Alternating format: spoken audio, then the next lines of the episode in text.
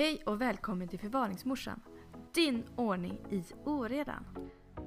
Hej och välkommen till äntligen ett avsnitt där jag förhoppningsvis ska få ljudet att fungera. I detta avsnittet kommer jag att prata lite grann om det jag pratade om i februari, nämligen om kläder och hur man kan tänka kring rensning och organisering. Detta är det andra avsnittet i min programserie med att rensa mindre områden. Stäm mig Marie Kondo, men hennes metod att rensa kläder är den metod jag tycker har varit mest framgångsrik. Att lägga kläder eller skor, accessoarer på sängen och sen se den väldiga högen är verkligen en aha-upplevelse för den som ska rensa. Men låt oss backa bandet lite grann. Innan du börjar att slita din, i dina klädhängare behöver du backa tillbaka, ställa dig några frågor. Ja, ni vet att jag vill att du ska fundera lite kring dina varför innan du sätter igång och rensar. Till det här avsnittet finns en pdf så du slipper skriva upp alla frågor som kommer här nedan. Den går också att skriva ut eller använda på din skrivplatta så jag säger som Johannes Hansen, pausa mig, skriv ner dina funderingar och fortsätt sedan att lyssna. Frågorna jag vill att du ska svara på är 1. Vad är min stil? Vilka kläder mår jag bra i? 2. Varför ska jag rensa? 3. Vad vill jag uppnå med rensningen? 4. Vilken känsla vill du ha när du är färdig? Pausa mig och återkom sedan till podden. Våra stilar förändras över tid och i vilka livscyklar vi är i. Vissa saker kanske vi håller på och andra saker släpper vi på. När jag själv ställde mig de här frågorna gick jag igenom min garderob och såg vilka kläder jag använde mest och varför samt vad som skulle saknas i min samling kring min nya stil. Tänk att ha kläder du trivs i är jätteviktigt. Annars kommer du inte använda dem eller ha på dig dem och känna dig väldigt obekväm. Och det kommer att synas på dig.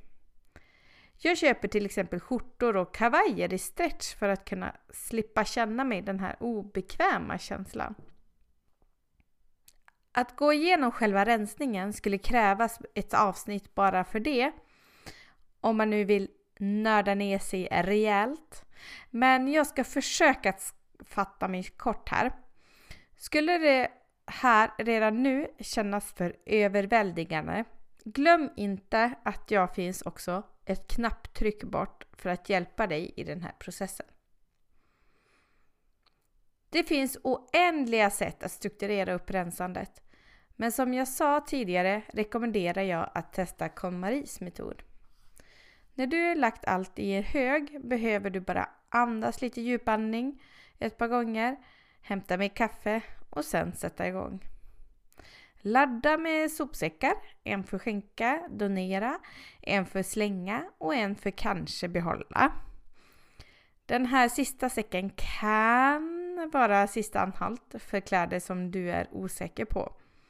Det kan vara bra att begränsa den högen till max ett par plagg för annars kan det finnas väldigt många kläder som hamnar i den högen. Sedan tar du fram frågorna. Vad vill du uppnå och vad vill du känna? Jag kommer att ta ett exempel. Att skapa till exempel en basgarderob som är tidlös och ger mig utrymmen utan att ändra stil och utan att förändra hela garderoben. Det man kan tänka på då, det är att man börjar rensa i högen och att allt som du inte använt på till exempel två år åker i sopsäckshögen för slänga eller skänka. Det här kan ju ta några timmar, så dela upp den här rensningen på flera dagar eller några timmar i taget. När allt är rensat behöver du titta på kläderna du har kvar.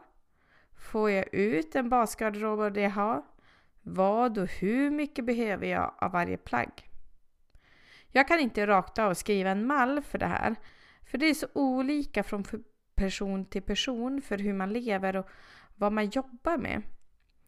Jag har ju till exempel mer träningsbyxor än jeans. Medan du gör dig av med dina kläder från sopsäckarna eh, och kanske stoppar undan den där kanske-säcken bygger du upp din drömgarderob. Tänk på att vi i Sverige har fyra årstider som ska passa den här stilen, och vare sig det är sommar eller vinter. Ett bra tips är att göra en moodboard med kläder du gillar och kanske skulle vilja ha i din basgarderob tillsammans med en lista på hur mycket av varje plagg du behöver. På min Pinterest-sida finns jättemånga style moodboards för inspiration. Länk finns i min shownote i det här avsnittet. Att ha en basgarderob innebär också att man har enhetlig färg eller mönster. Precis som inredning ska man begränsa sig till ett par färger eller mönster. Till exempel grå, vit, svart med randigt. När du har hittat din korrekta garderobström går du igenom dina kläder igen. Du sorterar ut två högar, det som tillhör basgarderoben och det som kommer att bli dina accentkläder. Sedan skriver du upp vad du saknar i din basgarderob och sätter det på inköpslistan. De andra accentkläderna ska kunna passa med dina baskläder och gärna till flera olika funktioner. Därför kan dessa med fördel vara lite roliga kjolar, koftor eller blusar. Eller för all del så kan det ett skärp eller en scarf också pigga upp en basgarderob. De accentkläder som inte passar läggs till kanske högen.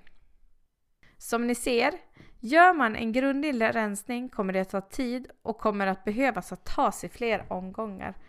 Och orkar du inte detta så ta faktiskt hjälp. När du har sedan rensat ut vad som är basgarderob och accentkläder kommer det roliga. Att införskaffa dina plagg som fattas.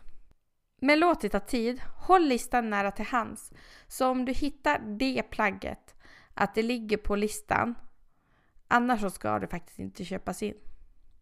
Och sätt gärna en klädbudget för detta så att inte du skenar iväg allt för mycket. Tänk på att en basgarderob ska vara kläder som ska hålla över längre tid och därför kan det vara smart att investera i lite bättre kvalitet. Second hand är perfekt för att hitta vintagekläder av bra kvalitet. Annars så rekommenderar jag för all del Marketplace, Tradera eller någon annan säljsida som till exempel Sellpy. Med det sagt säger jag spara det här avsnittet och lyssna igenom det ett par gånger innan du sätter igång. Det är fullspäckat med information. Eller så gör du så här att du hör av dig till mig så hjälper jag dig vidare. Och tills vi ses nästa gång, ha det gott!